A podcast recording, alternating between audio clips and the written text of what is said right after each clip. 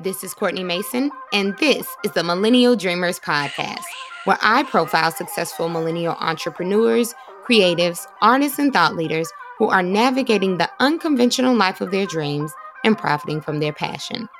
I also share inspiration and career tips to help you take the leap of faith and go after your dreams.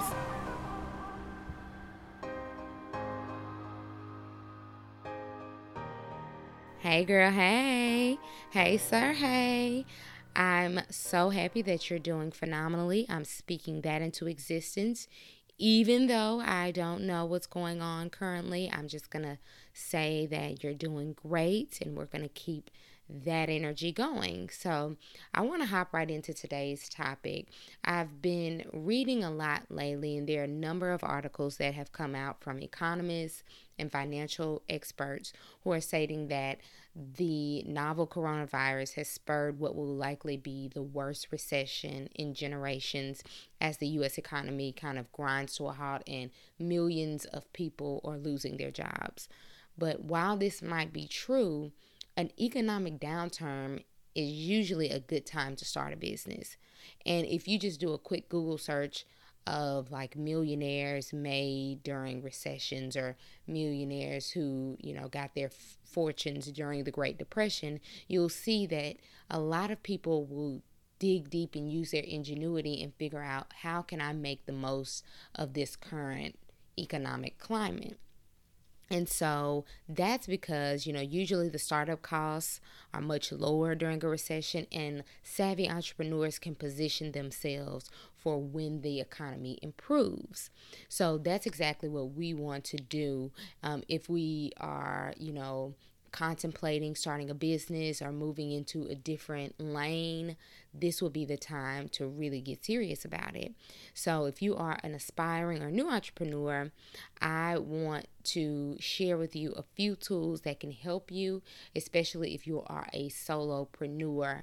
A lot of these tech tools I have used from when I started to think about being an entrepreneur and you know being a, a book author and all that comes with that.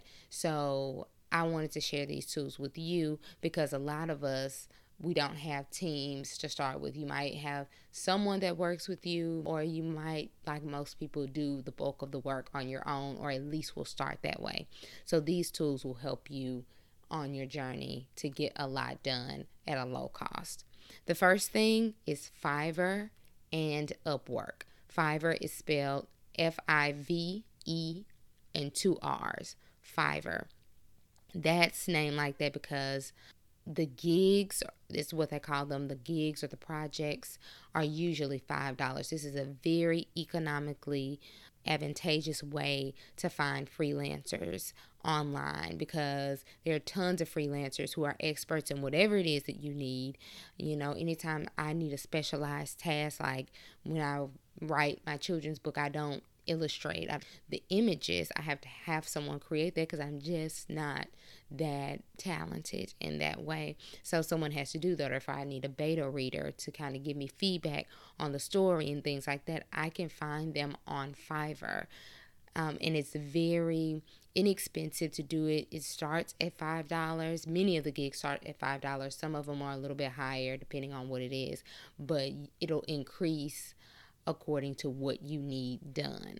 So you definitely want to check Fiverr out. And I mentioned Upwork as well. I use Upwork a lot anytime I need like formatting for a book, or uh, I believe I found someone to help me with a website design or um, a book cover and things like that. You can look on Upwork. It's UP Work, Upwork.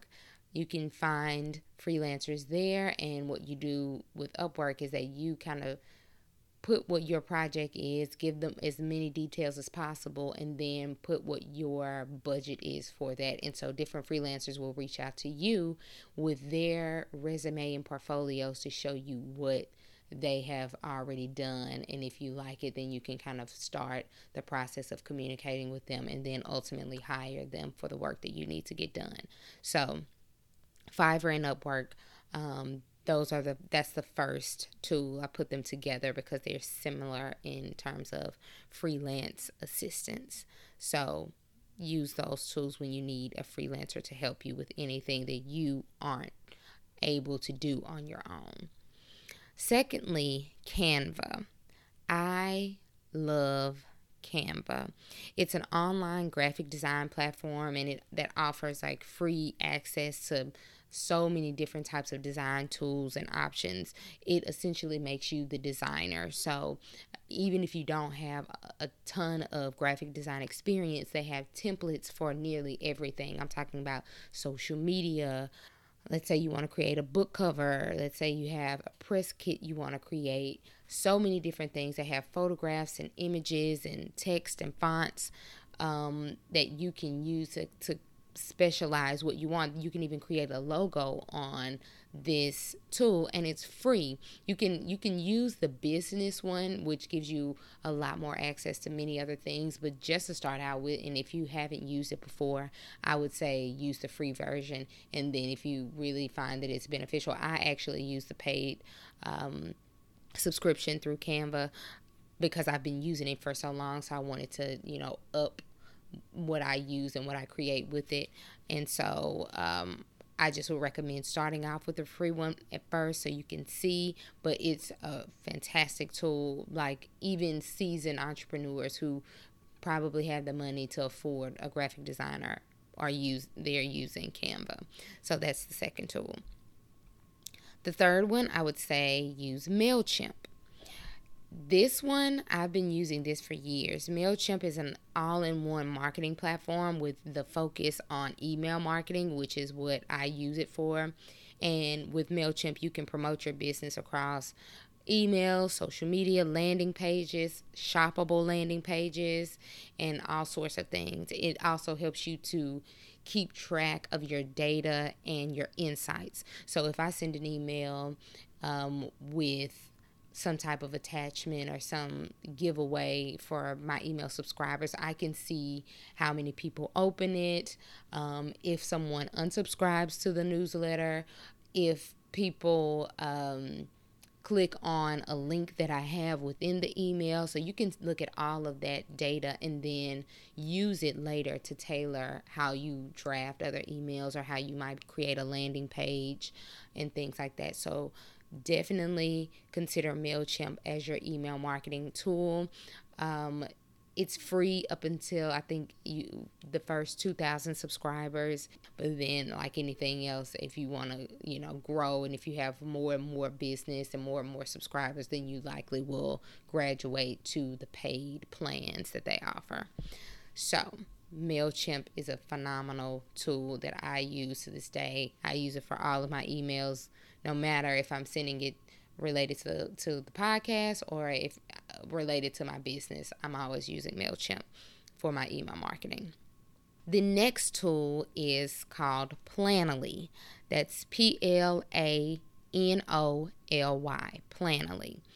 Now there's similar tools out here, but this one I just really love it so much because it allows you it's for it's a social media tool and specifically Instagram. It allows you to lay out your Instagram postings in a way that it's aesthetically pleasing for you if you want to do that but it also allows you to schedule them so you can select images you know at least up to 30 i think um, you can just pick a bunch of them and then say, okay, I want this to go out on Monday at such and such time, this go out on Tuesday, this go out on Thursday. And it helps you if you're like me and sometimes you get to doing a million other things and you don't pay attention to your your social pages like you should it helps you to stay on top of that. Now they have similar apps for facebook. I think hootsuite is for facebook and a few other ones, but I really like Planoly because it's user friendly. I like the way it looks,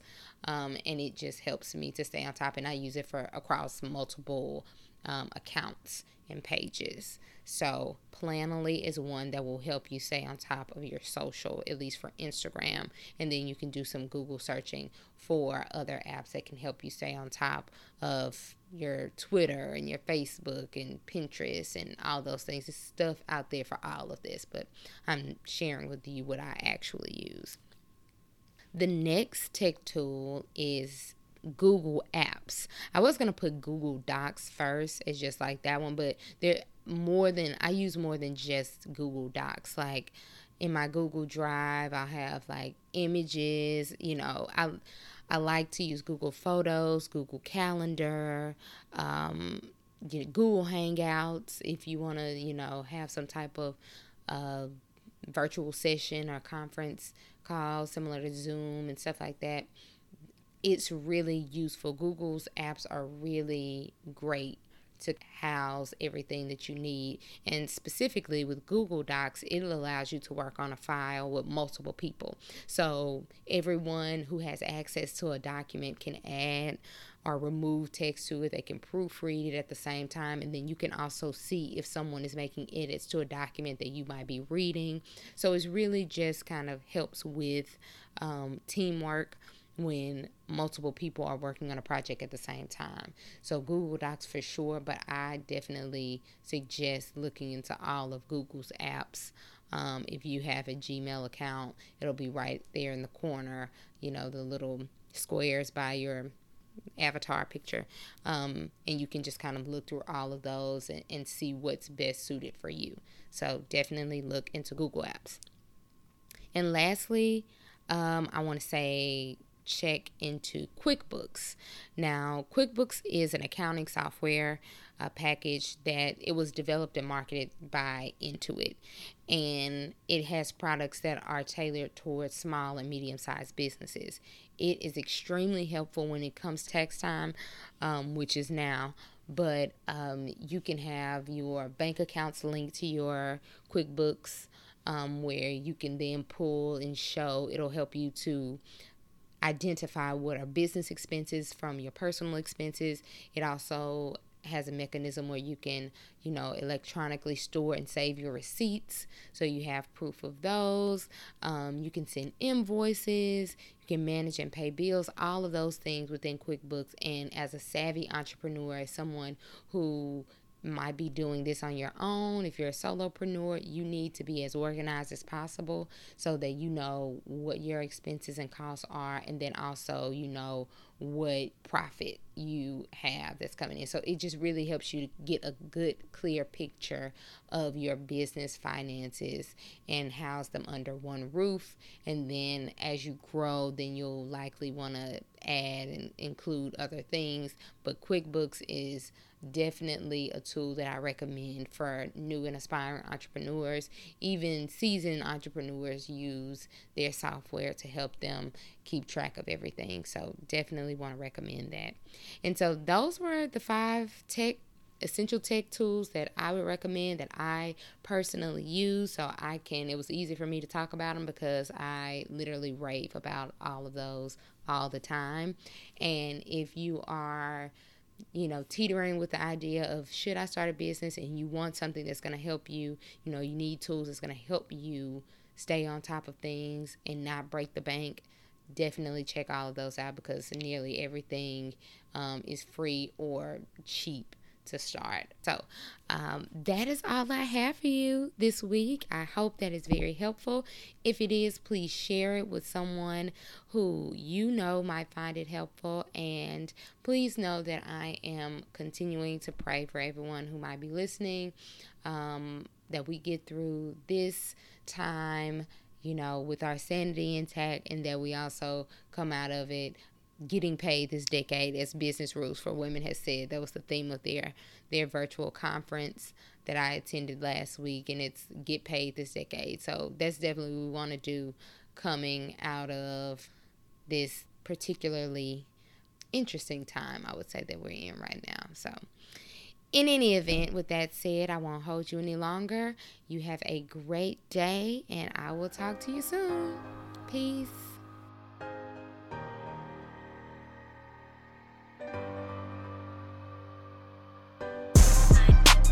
Thanks for listening to this week's episode. But before you leave, hit the subscribe button and leave a comment. We want to know what you think about the episodes that you've heard so far. Let us know by subscribing and leaving a comment. And again, thank you for tuning in. We'll talk soon. Peace.